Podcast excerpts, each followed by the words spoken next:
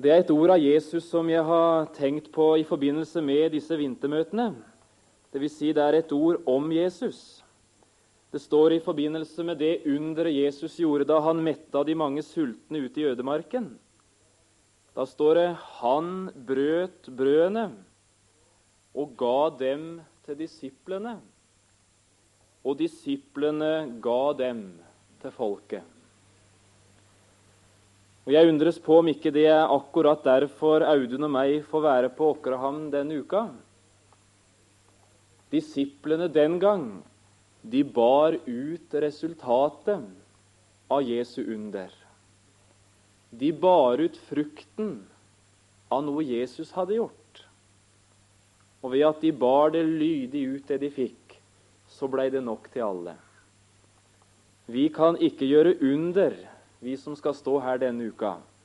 Men det skal vi også få slippe. Det skal Jesus gjøre, om det må til. Det vi ønsker å være med på, det er å bære ut frukten av Jesu under. Og om det så kunne skje, det ble til mettelse, det ble nok til de som skulle ha mat. Det er veldig godt når noe smaker oss bra, fortreffelig godt.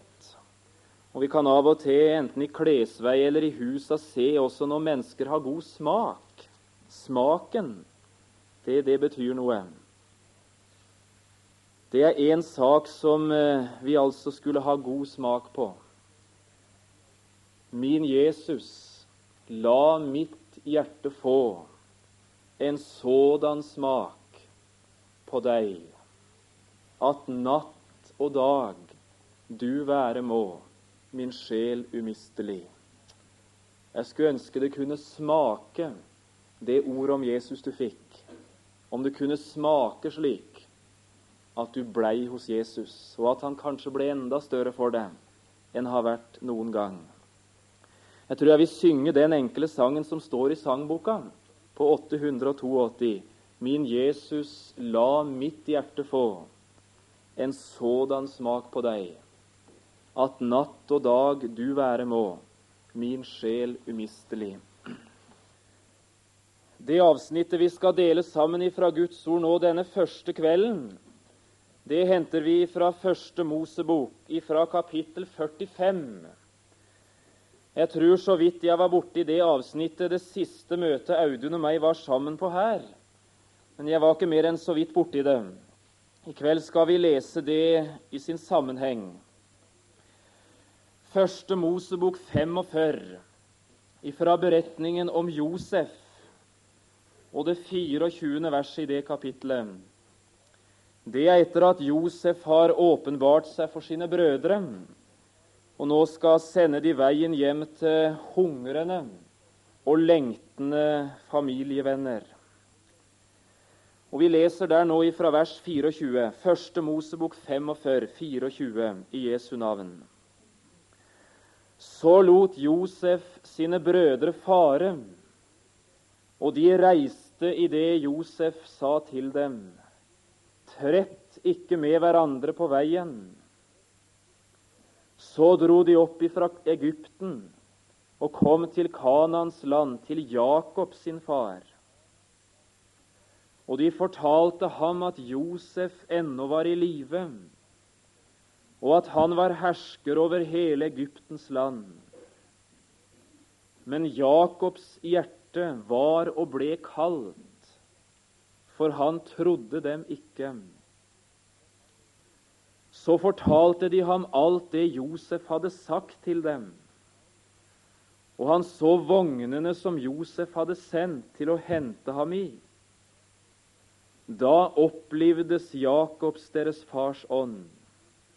Og Israel sa, 'Dette, det er nok. Josef, min sønn, lever ennå. Jeg vil dra av sted og se ham før jeg dør. Amen. Herre Jesus, jeg kjenner for min egen del å gi deg takk og ære at ord om deg nådde mitt hjerte på en sånn måte at jeg ble dratt til deg. Takk, Herre Jesus, for de mennesker du sendte i min vei, som makta å formidle ord om deg slik at det dro på mitt hjerte. Takk for den dragende makt som ordet om deg alltid siden har hatt. Og takk for alle i forsamlingen i kveld, Jesus, som har hørt ord om deg slik at du er blitt umistelig. Ser du noen allerede i kveld, Jesus, som er fremmede for deg? Om din herlighet, Jesus, kunne stråle fram slik at det begynte å dra og kalle på noen. Og så ber vi deg stille, vi som har møtt deg. Vil du sette vårt hjerte i brann, Jesus, for ord om deg? At vi formidler det videre til de mange som enda ikke har hørt. Kjære Hellige Ånd, vil du kaste glans over Jesus for oss også i kveld. Amen. Det var altså ikke småtteri det de hadde å fortelle om, disse elleve brødrene som nå tok veien hjem ifra Egypt. Det de hadde opplevd, disse elleve brødrene der nede, det var uten tvil det største de hadde opplevd i sitt liv. At det virkelig kunne være sant og erfarbart, det de nå hadde sett, det de hadde hørt, det de hadde opplevd, det hadde ingen kunnet overbevise de om, om de ikke hadde hatt opplevelsen av det selv. Det de hadde sett i Egypten, det hadde tatt livet på en sånn måte at de var overvelda. Det de hadde smakt der nede, det de hadde hørt, det de hadde opplevd, det var uten tvil det største av alt de kunne tenke seg. Vi kjenner vel gjerne såpass godt beretningen at vi vet hva dette dreier seg om. De kom ifra en tilstand i hunger og i nød. I to lange år hadde de sett barna sine, sett familien sin, sett de de elska i denne verden, li de hadde ikke hatt mat nok. De hadde ikke hatt noe å gi. Og de så en eneste ting i øynene. Får vi ikke hjelp, og det nå fort, så er det døden for oss alle sammen. Det er vel i grunn ikke noe som gjør et menneske så vondt som å se de en er glad i, virkelig li. Jeg vet aldri, heldigvis, hvordan en mor eller en far må kjenne det, ikke å kunne gi sitt sultne barn mat. Heldigvis så får en leve i et land der en kan gi sine kjære nok. Det kunne ikke disse. Og i to år hadde de slitt i nød. Den siste strime av lys før mørket var fullstendig, det var et rykte de hadde hørt. Det var et ord om en mann og et sted som kanskje kunne være redningen også for dem. De hørte om et land, om et sted, midt i en hungrende verden, der forrådskamra var fulle, der menneskene hadde nok mat, der ingen trengte å li, der ingen gråt i hunger, der det var nok, nok til alle. De hørte ord om én. Hans hjertelag hadde mange fått erfare. Det var han som rådet over rikdommen. Han delte villig ut til alle som trengte. De hadde enda til gode å høre om denne, at han noensinne hadde sendt hungrende mennesker tomhendt vekk. Hans hjertelag, hans gavmildhet, den var altså uendelig. Og i denne strime av lys så beveger elleve brødre seg, først ti og andre gang elleve, beveger seg til Egypt, kanskje. Om mulig dette er redningen også for oss. Kanskje reiste de til og med i vantro. Kanskje reiste de med lite håp og lite forventning. Hvem har mat i slike tider? Og så fikk de oppleve det de aldri hadde våga virkelig å tro på. Så fikk de smake det de aldri hadde smakt disse to åra. Så møtte de en som de aldri hadde møtt, som tok imot dem som om de var hans egne. Ga de mat nok, både for seg og for alle sine. Og så fikk de opplevelsen her er steen, her vi er reddet. Her er mannen som kan berge oss. Og når nå disse elleve brødrene tar veien hjem ifra Egypt, så kunne de vitne om det største de hadde opplevd i sitt liv. De hadde sett et sted der det var nok for alle lidende. De hadde møtt en som tok imot enhver som kom, uten vonde ord, og ga de alt de trengte. Det var ikke småtteri disse elleve kunne vitne om. Det var ikke småtteri det de hadde opplevd, de elleve menn som mange hundre år seinere tok veien ned ifra et fjell i Galilea. Tre år tidligere så hadde de møtt en mann. De hadde møtt han enkelvis, og han hadde gjort livet ganske nytt. En tømmermanns sønn ifra Nasaret med et budskap de aldri hadde hørt maken til. Ved fiskebåten, over tollboden, i hverdagen hadde han talt sitt stille, sterke, dragende evangelium. Det var ingen de hadde hørt tale som han. Det var ingen hvis ord hadde dratt slik på dem som hans ord.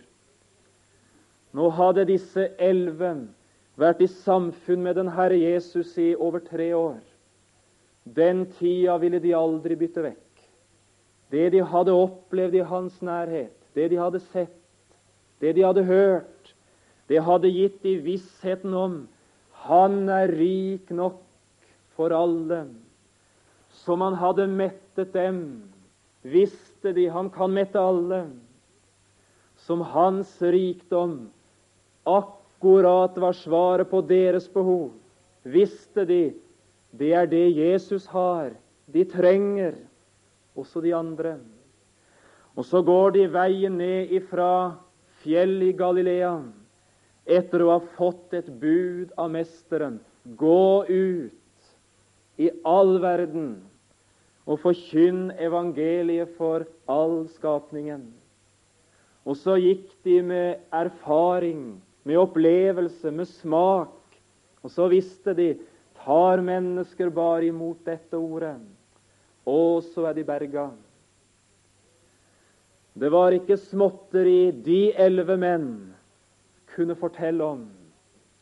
Og så er det kanskje risikabelt å gå enda et skritt. Men vi gjør det. Ifra elleve fattige menn i Egypt via elleve fattige disipler i Galilea til to arme stakkarer på Åkra bedehus i kveld. Jeg har altså så lyst til å si du skulle av og til ha sett inn bak ei predikantskjorte, og som rører seg i et hjerte når en skal stå fram å betjene så mange mennesker med Guds ord. Du skulle bare visst hva som av og til kan røre seg. Det skal jeg ikke bruke noe tid til å preke om. Men jeg har et ord av Paulus som jeg altså har henta mye frimodighet i. Og det er kanskje rart, syns noen, at jeg har fått så mye frimodighet i det. Men nå skal du høre. Det er et ord i Romerbrevet 15. Der sier Paulus noe veldig sterkt. Jeg vet at når jeg kommer, sier han, så skal jeg komme med en fylde av Kristi velsignelse. Når jeg kommer til dere, skal jeg komme med en fylde av Kristi velsignelse. Og jeg tror på begge våres vegne at jeg har lyst til å si det.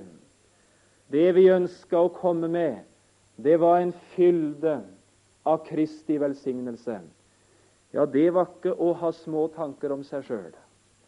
Det var altså å tenke stort om seg sjøl. Ja, hvis det det var, så blir det ingen velsignelse. Jeg har så lyst til å si og var hemmeligheten i Paulus' en fylde av Kristi velsignelse? Var det sin storhet? Nei, nei. Det var Kristi storhet. De store tjenere maler aldri en stor Jesus. Men enkelte av de små, å som de makta, å male en stor Jesus for oss. Vi kommer visst ikke med mye stort menneskelig sett. Vi har ikke mye å fare med i verdens målestokk, det kan vi nå bare betru dere. Men vi har en stor frelser. En underfull frelser jeg eier. Men lenge forsto jeg det ei. Nå synger jeg glad om hans seier, at alle må se ham som jeg. Det er ikke de store tjenere vi hadde trang å vise fram, men vi ville så gjerne løfte fram den store frelser. Og kunne den store frelser løftes fram, å, men så ble den fylde av Kristi velsignelse. Om du kunne få se Han. Og så veit vi at på Åkrehamn er situasjonen den samme som i Kanan. Det som kjennetegna situasjonen de kom fra, de elleve fattige brødre, kan i grunn tegnes med to ord, to enkle ord. Nød og død. Det var de to orda som sto malt over hele tilværelsen til de som de var utsendt fra i Kanan, disse elleve Josef-brødrene. Nød og død. Du skulle ha sett hvor mange hjem på Åkrehamn der nøden råder. Du skulle ha sett bak de mange vellykkede, fine fasadene hvorledes det er hjerter i nød.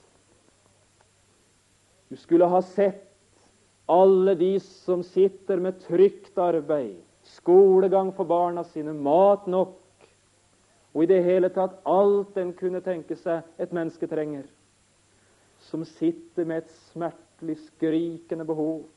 Det er tomhet i mitt liv. Det er noe som livet ikke makter å tilfredsstille meg med. Og så skriker sjelen etter Gud. Å, men det er nød i Åkrehamn.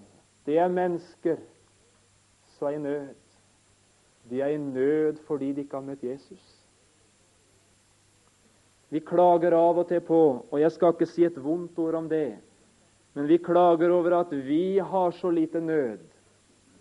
Og det kan jo altså være sant. Det er en forkynner smerte når han kjenner seg kald og uberørt. Du er så lite engasjert i ånden. Du er så lite delaktig i budskapet ditt. Det er en nød at det så lite nød er. Men det er én nød som er større enn at det ingen nød er i Guds forsamling. Og det er den nød som herjer i verden. Det er noe som er verre enn at du ikke har nød for de ufrelste. Og det er den nød som de ufrelste sitter i. Nød. Nød og død kan du altså tenke deg. Det eneste et ufrelst menneske vet med sikkerhet om sin framtid, det er at døden kommer. Det er ikke realistisk annet å se fram imot enn døden. Håp om at det ikke fins noen Gud, håp om at døden er det eneste endelige, det makter dårlig i mange tilfeller å lindre nøden. Nød og død. Kunne vi se vintermøtene våre denne uka litt på den bakgrunn? Midt i et folk i nød, midt i et folk i død, ga Mesteren oss et ord og forvalte et budskap å gå med. Her er det de nødstedte mangler. Et stort budskap. Og så lå det Josef på hjertet å minne om én ting. Og Det er det andre jeg har lyst til å understreke ved sida av det store budskap. Det er dette. Budskapet må for ingen del hindres. Det må nå fram. For all del la ordet nå ut til de som ikke har hørt. Og Jeg hadde lyst til å nevne et par ting som nå kan hindre budet å nå fram. Tenker på vers 24 som jeg leste. Trett ikke med hverandre på veien. Og så visste han det, Josef. Budet har hast. Det er så mange som lir. Sørg nå for all del å få det fort fram. Trett ikke med hverandre på veien. Jeg undres på hvor mange sammenhenger det har vært sant at evangeliebudet er hindra fordi vi begynte å trette med hverandre på veien. Da tenker jeg ikke på det Paulus skriver om 'Jeg har blitt deres fiende ved å si dere sannheten'.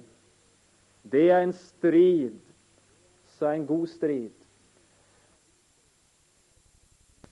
Men det er personlige forhold, det er rivalisering, det er misunnelse, er forholdet til brødre ble slik at det ble trett og elendighet og bråk. Der begynte vi å bruke krefter, energi, oppmerksomhet på ting som tappa oss med energi når det gjaldt å forkynne evangeliet. Kjære troende venner, det er noe som er viktigere enn å trette med hverandre på veien. Vet du hva det er? det er sammen å gå med det som den nødstedte sjel trenger. Å, men det er hast. Buda fra Jesus, bud om Han. Trett ikke med hverandre på veien. Og jeg tenker på én ting. og Nå kan det være noen syns at det er litt malplassert her på Åkrehamn. Jeg vet ikke. Men nå reiser altså jeg bort i Telemark. Og Der møter jeg én ting altså som nesten har lamma mange av forsamlingene våre. Vet du hva det er? Det eneste de minner hverandre om, det er hvor få de er, og hvor fattige de er, og hvor gamle de er, og hvor dårlig det står til. Så kommer en til en liten venneflokk langt oppe i Telemarken, og jeg skjønner jo på en måte godt, men, men så sier formannen Det er det første han sier. Vi er få her nå, sier han. Akkurat som ikke jeg ser det når jeg kom på prekestolen. Ja, vi er, vi er, blitt gamle nå. Akkurat som ikke jeg ser det. Ja, vi er, vi, er, vi er, blitt eldre nå siden sist, og nå er han borte, og hun har reist. Ja, jeg ser det. Og så kommer jeg til samme plassen en gang seinere. Det kan gå to år. Ja, vi er få her nå. Og så er vi gamle blitt. Det er ingen unge som kommer med. Og så foreslår formann 872, og så synger vi hvor salig er den lille flokk som Jesus kjennes ved. Og Det eneste som er gærent med sangen da, det er at den ikke går i moll. Ikke sant? Hvor salig er den lille flokk. Og nå skal du høre, Det her er egentlig ramme alvor. Du kan bare smile av meg, altså, men det her er ramme alvor. Tror du ikke det preger en venneflokk? Når det eneste de har å si til hverandre, det at de er få, det at de er gamle, det at det var topp i 30-åra når det var vekkelse og liv. Men nå er det bånd, for nå er vi jo gamle, og det er ingen unge som kommer til. Så møtes de en onsdag. Vi er, vi er sju i kveld. Og så møtes de neste onsdag. I kveld er det bare fem. Og så onsdagen etter der. Ja, i kveld er vi tolv.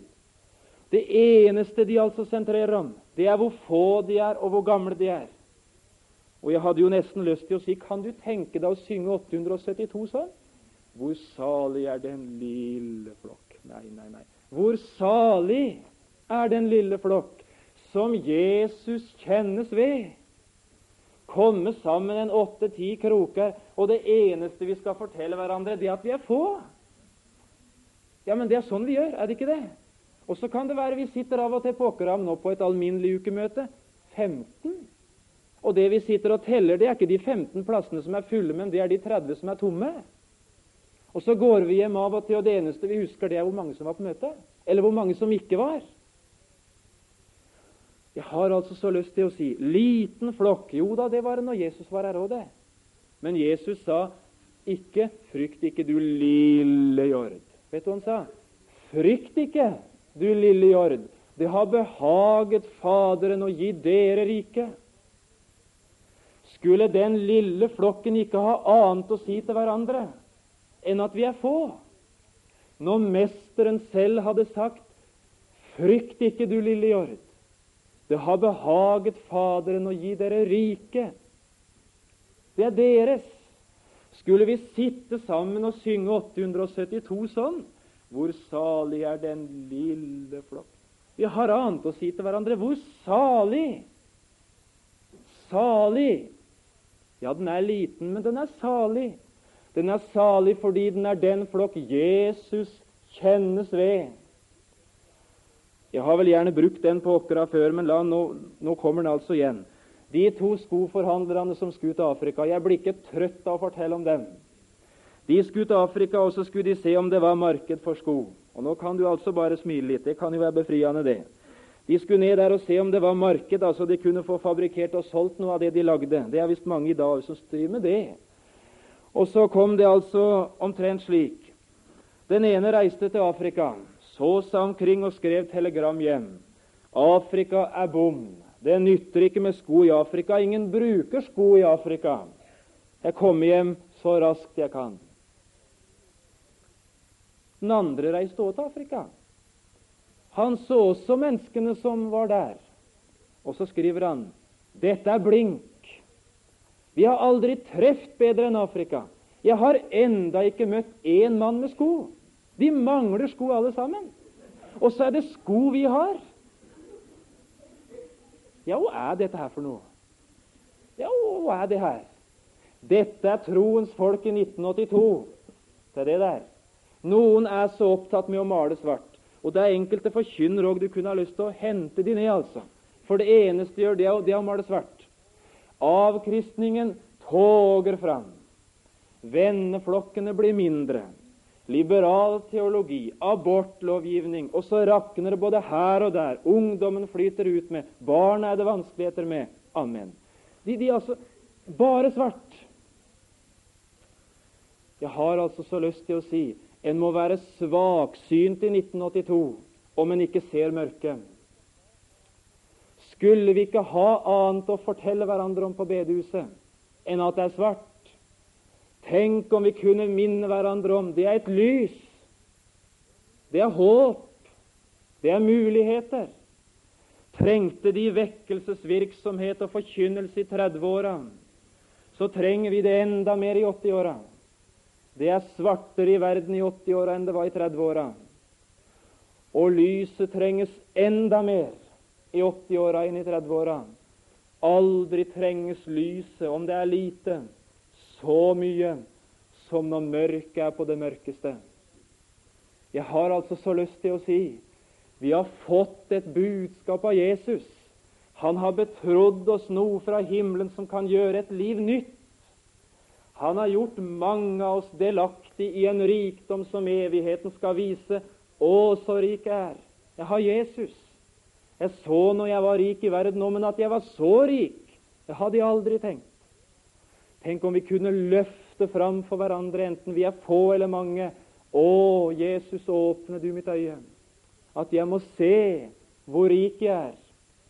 Det er ikke å se sin fattigdom som gir en lyst til å gå. Men det er når en får fryde seg i sin rikdom. Å, men da har en lyst til å dele det ut, fordi en veit jeg blir ikke fattigere jeg, om jeg gir vekk noe av det rike jeg har. Jeg blir bare enda rikere. La oss få budet ut. Ikke minne hverandre om hvor få vi er, og hvor gamle vi er, og at det nytter ikke. Jo visst nytter det. Tenk om de skulle begynt å telle på vei ned fra Galileafjellet. Én, to, fem, sju, elleve. Elleve. Og så sa Jesus 'all verden', og det eneste han ga oss, det var et ord. Elleve menn pluss et ord. Og så verden. Tenk om de skulle ha telt. De festa sitt blikk på Han. De festa sitt blikk på ordet de fikk. Og så sitter vi 1950 år siden seinere på et bedehus langt oppe i Norge, og så taler vi sammen om det de i lydighet gikk med. Å, men der syns jeg altså det er så velsigna. Flere enn elleve er vi de fleste gangene. Tenk om vi så hvor rike vi er. Og så kunne vi ha talt mye om hvorledes ordet nå fant veien. Jeg vil bare gjøre deg oppmerksom på Han, som altså er typisk. Jeg syns jeg ser for meg disse elleve brødrene når de kommer hjem til Jakob. De er jo altså sprudlende. Det er så det bobler over. De er så fulle av inntrykk. Opplevelsen har overvelda de, og det er nesten ikke så De, de kan ikke holde styr på det de skal si, altså. Og så forteller de liksom 'Å, far, hva vi har sett'. Du skulle ha vært med og sett, smakt, kjent. Far, Egypten, Josef, eller herskeren, da. Det er løsningen.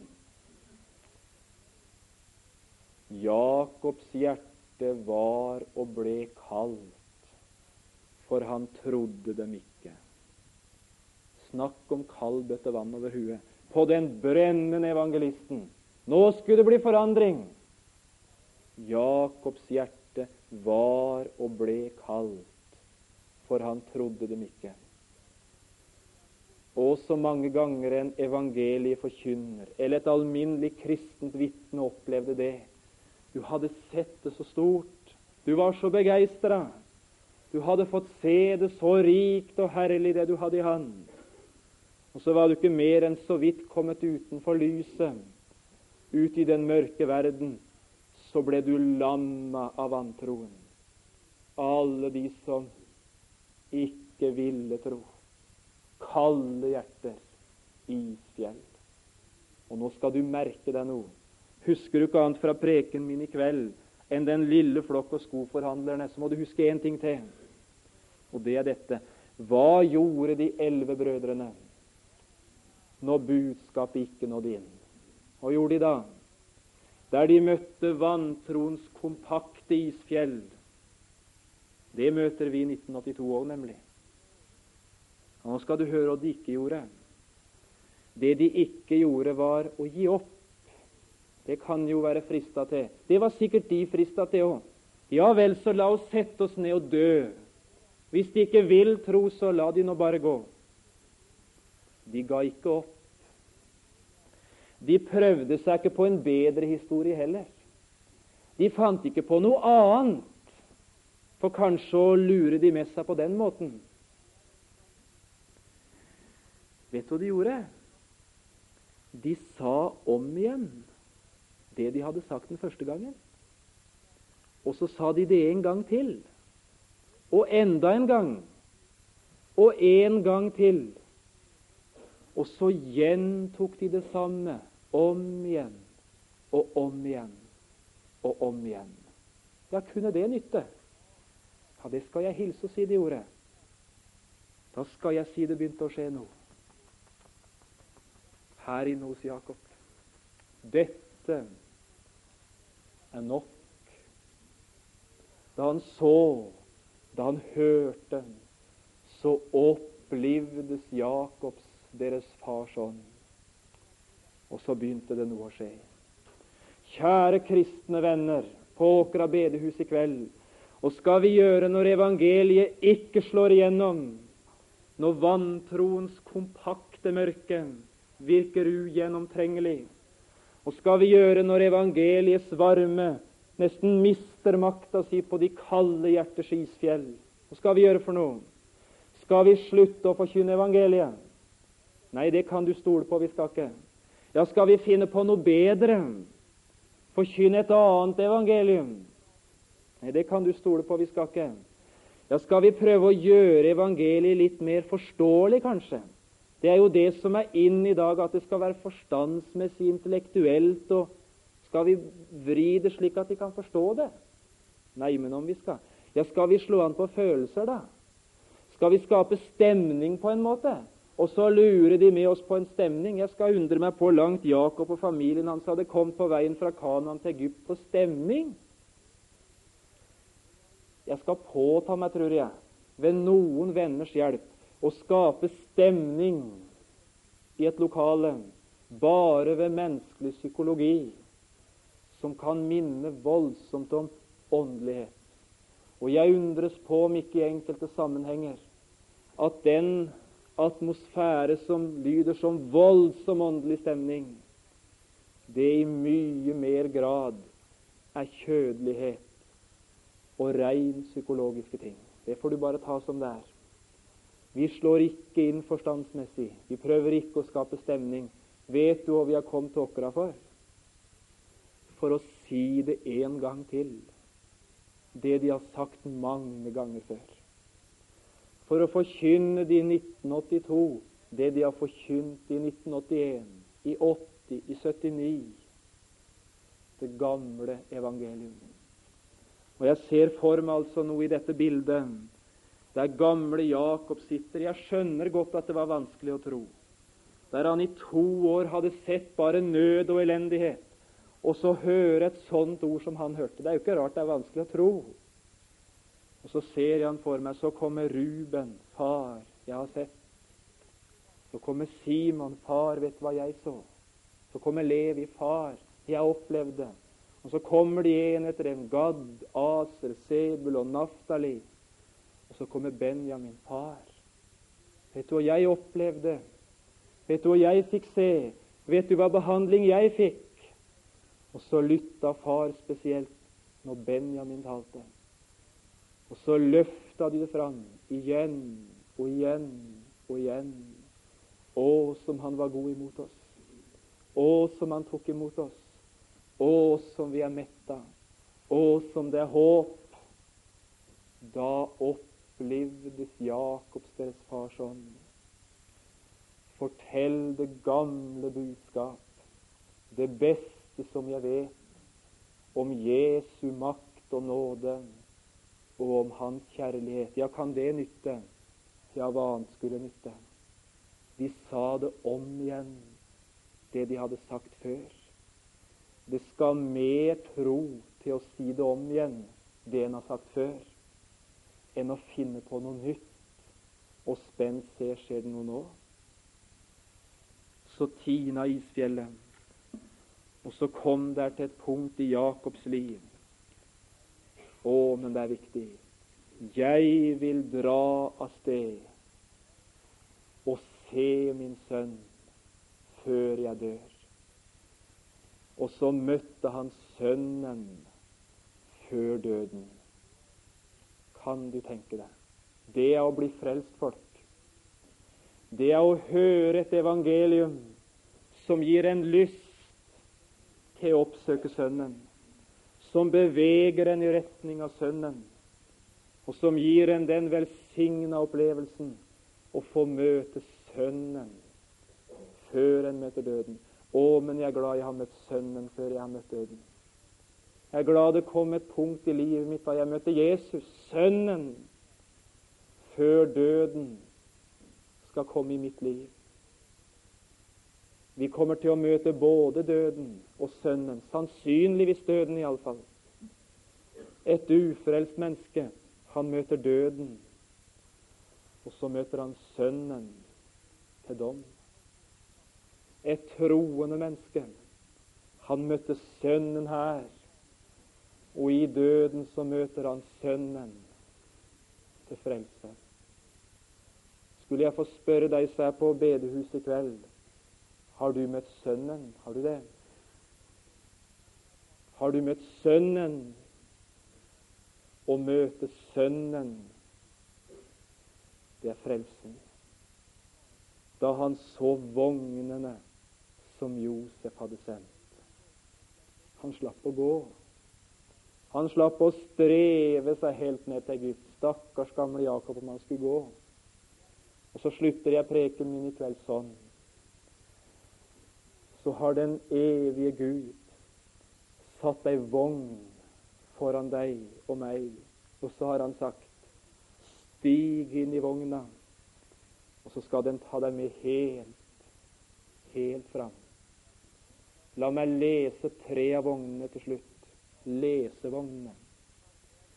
alle dem som tok imot ham, ga han rett til å kalles Guds barn. Og så mange som har steget inn i den løftesvogna, og som er henta inn i Guds frelse i Johannes 1,12. Alle dem som tok imot ham, ga Gud rett til å kalles Guds barn. Velsigna vognen. Johannes 6, 37. Den som kommer til meg Ja, det er enkelt. Den som kommer til meg, vil jeg ingenlunde støte ut. Og så steig en forpint sjel som ikke kunne annet enn å komme, inn i vogna. Og så ble han henta igjen. Så var han frelst. Hebreerne 7, 25.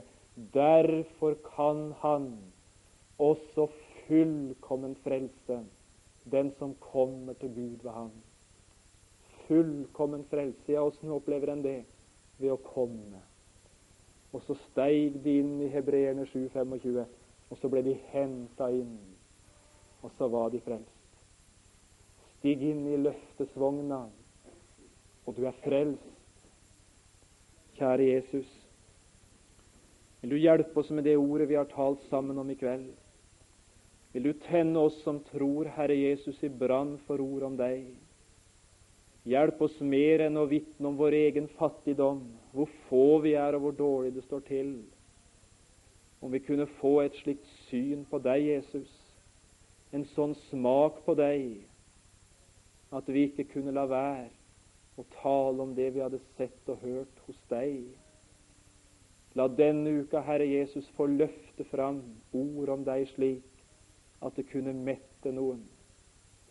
Og sitter det noen i forsamlingen i kveld som ikke er frelst, Jesus, om du ville stille ei frelsesvogn foran dem, et løfte Gud gitt og sterkt, at de kunne flytte inn og få møte Sønnen i nådens tid. Kjære Hellige Ånd, ser du en slik sjel, kall han til deg og til Jesus. Amen.